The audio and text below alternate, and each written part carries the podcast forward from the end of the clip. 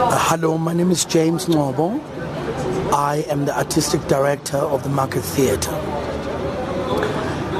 This piece called The Meeting, it's written by a, a playwright called Jeffrey Stetson.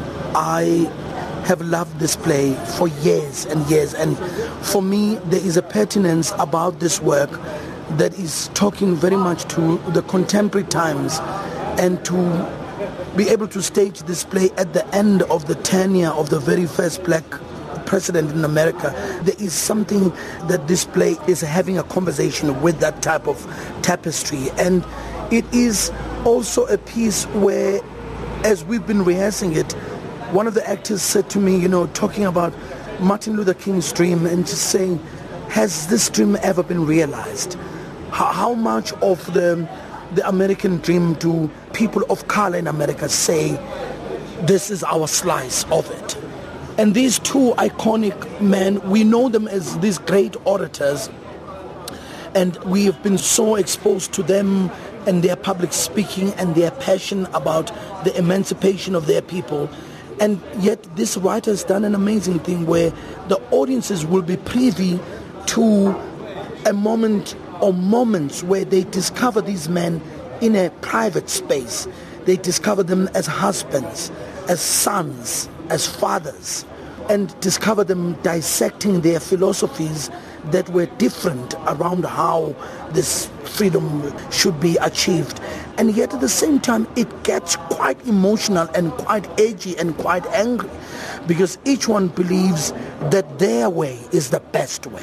Is dit die eerste keer wat so 'n stuk by die Markteater opgevoer gaan word? This is the first time that a piece like this is being um, staged at the market, and yet it is part of a vision that I came with at the market in terms of celebrating Black History Month. And so some of the things that I've staged, I've staged a piece called I Almost Remember, which was a tribute to Maya Angelou. Last year I staged A Raisin in the Sun, and the other year I staged a piece called um, The Colored Museum, a satire on slavery by George C. Wolfe. Hierdie is ook 'n samewerking met julle en die Amerikaanse ambassade. Vertel my 'n bietjie oor daardie verhouding.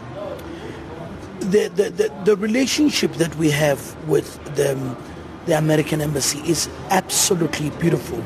As you know, we're the only theater that presents this content.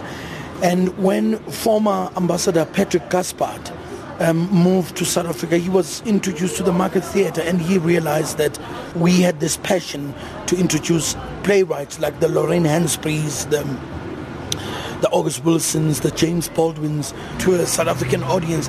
And they've been our partner. They've over four productions. They have helped us produce these works.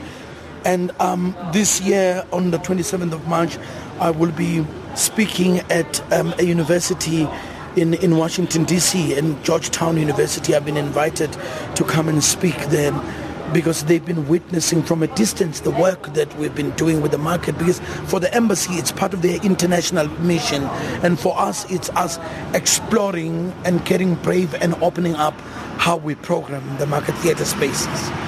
As jy praat van die spasies oopmaak, word daar ook spasies vir jou in Amerika oopgemaak om produksies uit Suid-Afrika soontoe te vat?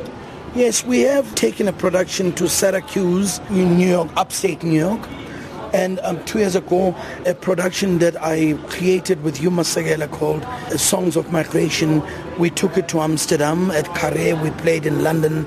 And so last year we co-produced a production with the Royal Court of London in Sloane Square. I am very passionate about resuscitating international relationships the market theatre has with these other spaces.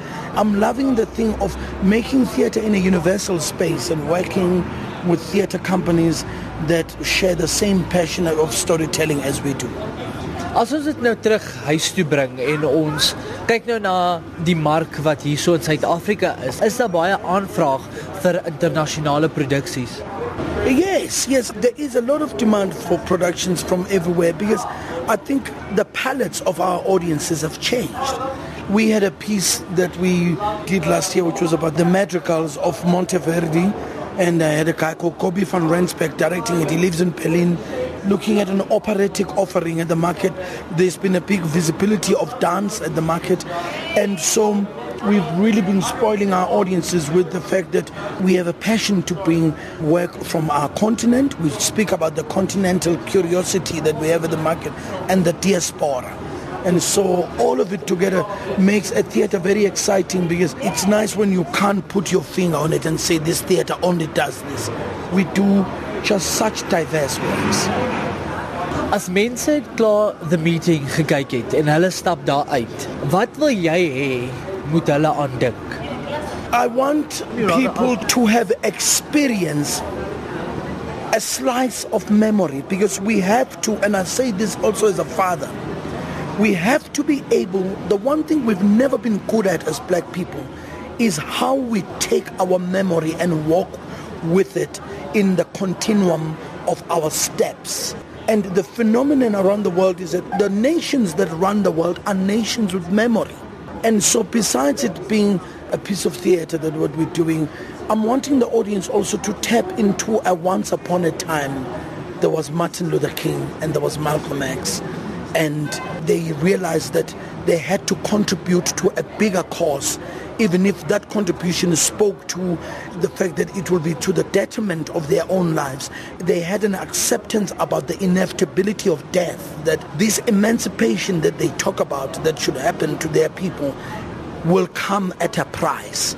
We need to remember and appreciate as we sit in moments and be able, I say to my friends when we sit around the table, we're about to break bread and have fun, and I say we must never ever remember the fact that we're able to do these things is because there are people who walked a walk before us, a walk that had humility, a walk that had a vision, a walk that was focused on clear understanding that next generation should alter that walk to make it better for the generation after them and the next generation. And that is why we owe it to generations that will come after us. Every day we get to spend must be about what is it that I contribute to society.